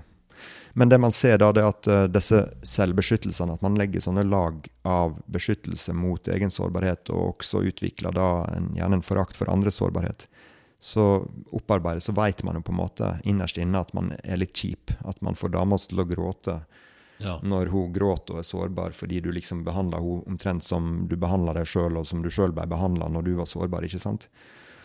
Og så går man med dette her, den her skyldfølelsen på et eller annet plan, halvveis bevisst, halvveis ubevisst, føles egentlig litt grann råtten. Man ser innerst inne at uh, det er noe greier, samtidig som man prøver liksom å legge det på andre og prøver å kvitte seg med mest mulig skyld. Men i denne tilstanden, når du går dypt nok ned, og du også kan få det generasjonsblikket på det hele, så forsvinner på en måte veldig mye av denne veldig personaliserte skylden. ja. At man ser liksom at hei, vi er alle liksom ikke sant, del av noen mye større utviklingsmessige linjer. At det er på en måte Mennesket er jo natur. Vi blir ikke plassert på jorda, men vi gror ut framfra den. Og vi uttrykker natur på en måte gjennom oss.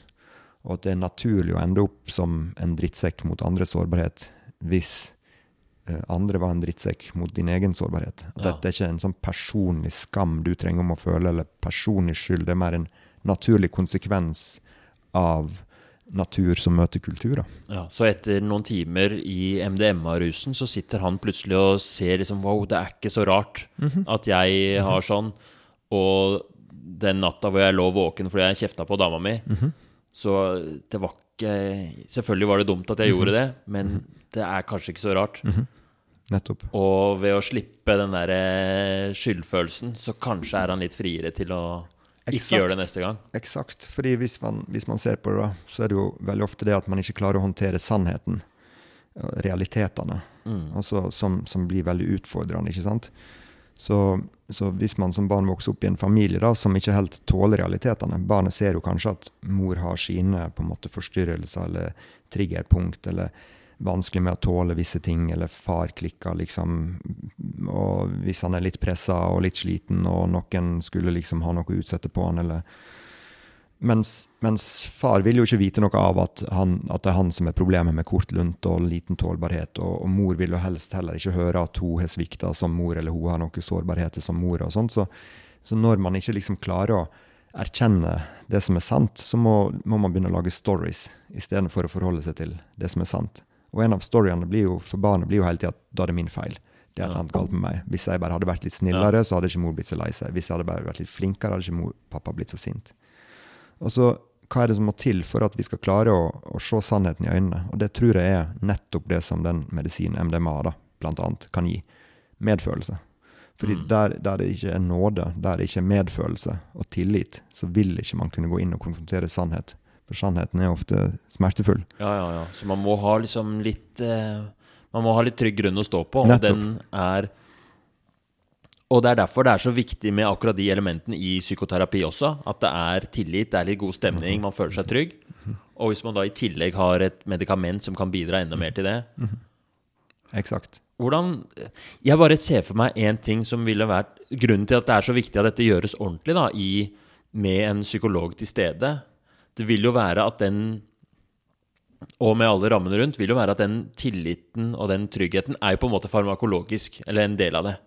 Så hvis man tar MDMA på egen hånd, så kanskje man, man da skjønner jeg veldig godt hvorfor det kan være utrolig ubehagelig etterpå, når effekten går ut, og så er verden rundt eh, Ja, kanskje du var på en fest, da. Jeg bare ser for meg Én ting er å våkne fra en sånn MDMA Jeg har aldri prøvd det selv, men jeg ser for meg at hvis man eh, får farmakologisk tillit og våkner opp, og klokka er fire på natta på en fest eh, At det kan være ekstremt ubehagelig. At fordi, sånn jeg forstår de fleste farmakologiske medikamenter, så er det sånn at hvis du gir noe en boost, hvis du er smertestillende altså, eller angstdempende, så vil det ofte, liksom, når det går ut, være litt på andre sida. Du har brukt opp de stoffene litt. Så hvis du har tømt ut masse oksytocin, så har du kanskje litt lavere reserver. Det kan jo være litt mer frynsete i tiden etterpå.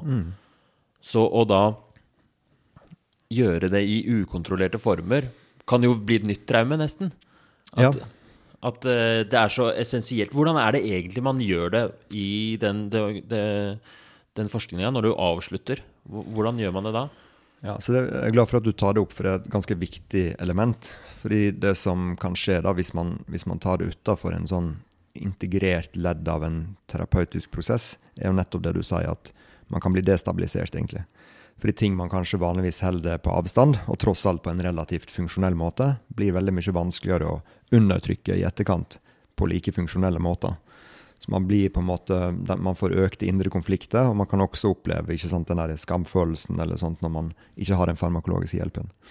Så dette er jo noe også man ser i en, slags mild grad da, når pasientene kommer ned igjen fra medisinen. Etter å ha vært veldig åpen en stund, så er det jo Ja. veldig uvant for deg å ha prata så åpent om sitt Ja. indre liv, og at det kan være en overgangsfase der som kan være litt krevende. Ja. Hvor mange timer er det? Det er snakk om at uh, medisin varer rundt seks timer. da. Ja. Så når du er på time seks-syv, så begynner du å så Ja, merker fem, du forskjell? Mm. Fem-seks. Uh, time fem-seks. Og så har vi åtte timer, som er, eller sju og en halv time som er satt av. Mm. Slik at vi er sammen et, et par timer etterpå, hjelper i den overgangsfasen, og både normaliserer litt disse reaksjonene. Men det som er viktig også, det er at man kommer gjerne ikke tilbake igjen helt til det samme, samme baseline av si, selvforakt eller Ja. selvhat eller skam, da, fordi man har også hatt en veldig sterk og djup terapeutisk opplevelse. Ja. Slik at Man kommer ikke tilbake til det stedet man var på før, man kommer på et høyere nivå. ja. Hvis du forstår hva jeg mener? Jeg skjønner hva du Ja. mener. At det er liksom en varig effekt. Yes. du merker det, at de er mer åpne i den timen neste gang også. Jepp, nettopp. Og dette er jo en av kritikkene som kommer fra fagmiljøet, som, som jeg syns er en, egentlig en betimelig innvending. Ja, men, og Freud prøvde jo også f.eks. med hypnose for å endre bevissthetstilstanden, for å kunne liksom bypasse en del forsvar og sånt, men gikk bort fra det, for han, han så ikke effektene som varige. da. Mm. Eh, så selv om det er et lignende prinsipp, at man på en måte tvister på bevissthetstilstanden, eh, så ser man i, veldig klart i langtidsoppfølgingen sånt, at dette er effekter som holder seg. Mm. Så man har ikke det problemet som, som man hadde da. Men, men dette er også viktig at um, i, i våre studier så er det jo Og dette er også viktig for å unngå medikalisering. At liksom sånn, Det er jo en fare nå med både psilocybin, det klassiske psykedelika, LSD og også MDMA, Mm. at man særlig i det medisinske miljøet da, ser på dette som bare farmakologiske agenter Ja. ikke sant, og se på den farmakologiske virkninga. For dette er virkelig medisiner som, som, eh, som virker synergistisk, der effekten du får, er ikke bare bestemt av de farmakologiske eh, egenskapene ved stoffet, men blir til i et samspill mellom farmakologien og sett og setting, som man kaller det. Altså persons innstilthet, innstilling på forhånd, og, og situasjon og intensjon du tar det med. Mm. Slik at det er en sann integrativ behandling da, mellom farmakologi og psykologi, på en måte. Og det, det er kun sånn at du kan på en måte makse det terapeutiske potensialet. Um, og så er det også viktig, um, med tanke på folk som da hei, blir frista til å prøve dette på egen hånd, eller sånne ting, så det er veldig viktig for oss på Sykehuset Østfold, og som driver denne forskninga, vi er klar over at den kan også bidra til å legitimere på en måte mer bruk, rekreasjonelt eller eh, terapeutisk bruk. Og det er klart at man må respektere at eh, folk som er desperate og har prøvd eh, det meste, vil søke seg til også eksperimentelle behandlinger og, og sånt, og vil prøve å gjøre det beste ut av det.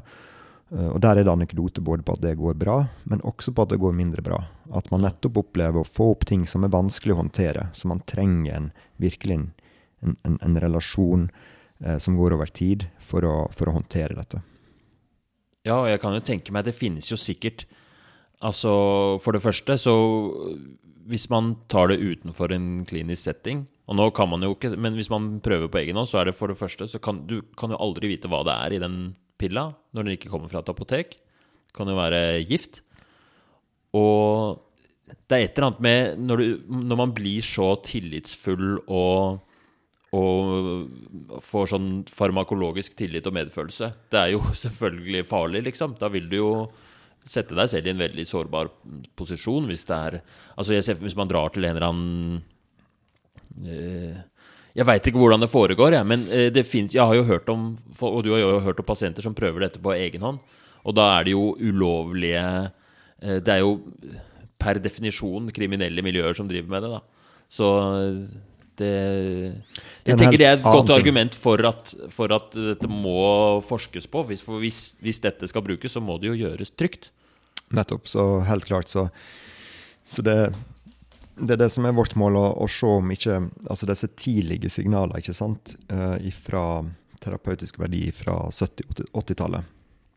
Ukontrollerte undersøkelser så har vi også disse laboratoriet basic science på en måte som viser en del gunstige effekter. ikke sant? Og man ser disse prososiale effektene i laboratoriestudiet, og man ser selvfølelse og ømhet og alt sånt. Og I tillegg så har vi jo da nå på PTSD begynte å få en relativt solid evidensbase. Der det er gjennomført seks fase 2-studier som viser veldig gode resultat, og en stor fase 3-studie i USA som viser veldig gode resultat. Nå er man i gang med den siste fase 3-studien, uh, som er altså siste fase før legemiddelgodkjenning, der er man allerede i gang. Og med noenlunde tilsvarende resultat som fra tidligere forskningsfase, så vil MDMA bli et godkjent legemiddel i USA.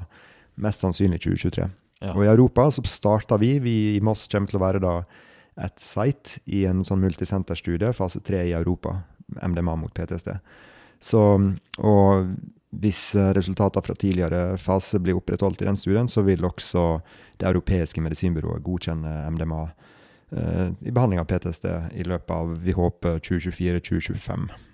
Hva er de resultatene, da, sånn tallene? Tallene er at to tredjedeler mister diagnosen med langtidsoppfølging ett år etter behandling. Og, det, og, dette er også i utvalg som har prøvd veldig mye behandling før. Ja. Som er relativt behandlingsresistent og kronifiserte.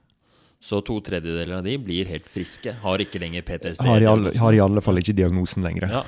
Så ut ifra det kriteriet. Mens mm. hvis de ikke hadde fått det, eller hadde fortsatt med Så det her er behandlingsresistent gruppe, ja. hvor mange færre ville fått Hvis det er en kontrollgruppe, så er det mange færre som mister diagnosen. Det stemmer. Der, der er kontrollgruppe, og man, man, det er ganske ja, Hvor mange mister diagnosen i, i kontrollgruppa? I kontrollgruppa, og her er jo viktig, kontrollgruppa her er jo da eh, ganske omfattende psykoterapi. Altså akkurat den samme terapien. Forberedende samtaler. Og så har du sånne dagslange sesjoner mm. der du ligger på benken og får en sukkerpille. Ja, det høres jo ganske bra ut, det. da. Mm. Man kan få gjort mye der også. Mm. Så der er det en tredjedel som mister diagnosen ja. av den behandlinga. Så det er ganske bra, det òg? Relativt bra, det også. Men det er dobbelt så stor effekt, da.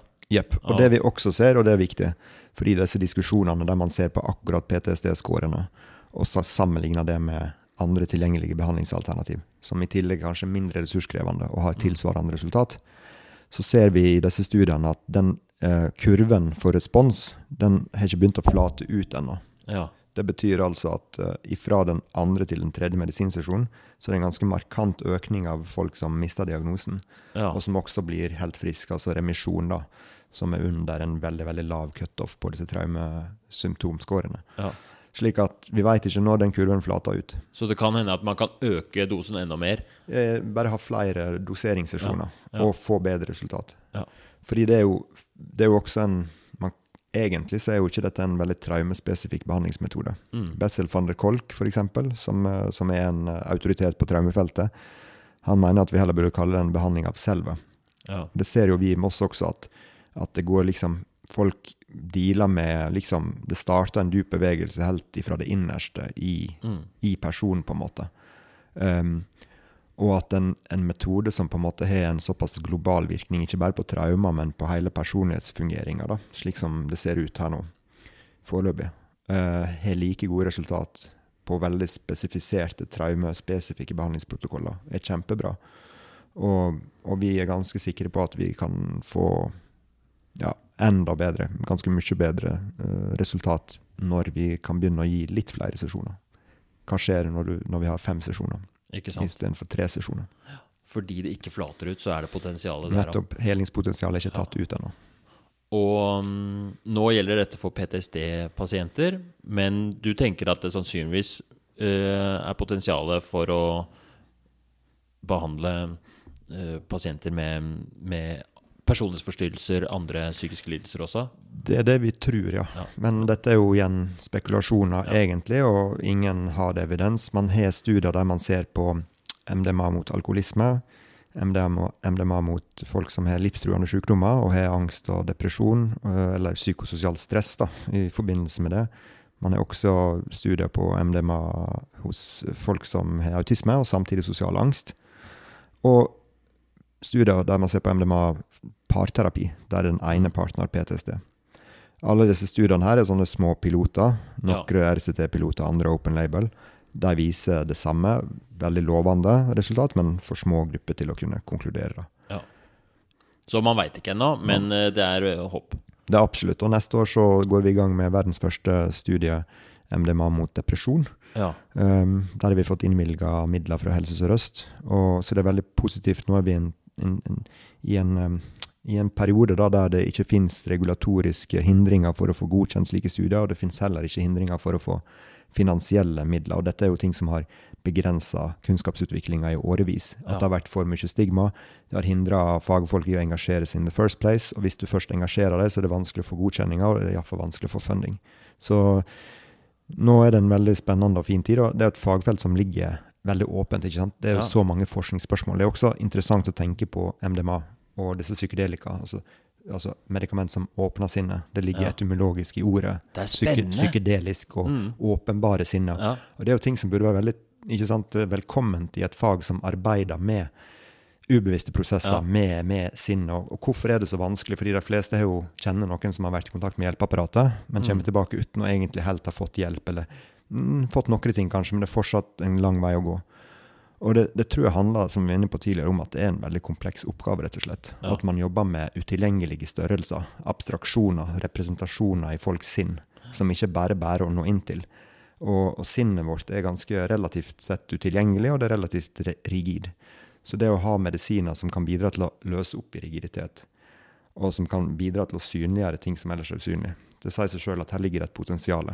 Når man i tillegg da ser at i den kliniske settingen, og alt vi snakker om nå er jo i en behandlingssetting, klinisk setting, der folk blir screena og forberedt og er med proffe folk og sånn, så er det en trygg behandling. Ja. Man har lavere frafallsrate uh, enn, altså ganske betydelig også, to til fire ganger lavere frafallsrate i disse studiene, sammenlignet med vanlige PTSD-studier. Mm. Så at det er en behandling som er godt tolerert, som ikke gir eh, dekompensering og destabilisering på en sånn måte at det, man ser det igjen i tallene, som at disse behandlingene har noe mer skadevirkninger enn andre. Ja. Er det noen farlige bivirkninger å snakke om? Ingen, uh, ingen vedvarende bivirkninger i noen Ja. av studiene hittil. Sånne Eh, midlertidig så er det jo en del bivirkninger, Ja. men de fleste er milde til moderate og, og, og løser seg sjøl, på en måte. Ja. Eventuelt gi litt smertestillende i etterkant for hodepine og litt sånn kjevesmerte og, ja. og slike ting, men, eh, men en veldig godt tolererbar behandling. Hvordan tror du det er, siste spørsmål, hvordan tror du det er eh, om 30 år? Hvordan er eh, Altså, her er det jo Jeg har jo på meg liksom denne forskerhatten, der jeg må prøve å være litt sånn edruelig og sånn, og så si sånn at vi ikke veit, og det får tida vise, og data må vise oss. Men så er jeg jo også kliniker, terapeut og medmenneske. Og så har jeg også sett, eh, personlig erfart, liksom, hva den medisinen kan gjøre. ja. Um, og for meg så vil jeg si at det vil overraske meg veldig hvis ikke MDMA kommer til å være en veldig viktig del av eh, psykisk helsevern, men kanskje også somatikken. Nettopp fordi at det er en farmakologisk agent som åpner psyken. Som vil, vil gjøre det mye mer tilgjengelig i mainstream. Det er et språk som leger og mainstream forstår. Og det vil bli tydelig for veldig mange, alle terapeuter som er involvert, med en viss basiskunnskap, som holder seg litt på matta og lar prosessene spille seg ut, at oi, her er det jammen mye psykologiske faktorer, her er det jammen mye undertrykte følelser, her er det jammen mye livserfaring som ligger under de symptomer som vi ser på overflaten. Og at denne behandlinga vil kunne bidra til en dreining i psykiatrien, der man går ifra og spør hva er det som feiler deg, til å spørre hva er det som har skjedd med deg. Ja, Det er jeg ganske sikker på. så kult. Tusen takk for at du tok deg ganske mye tid.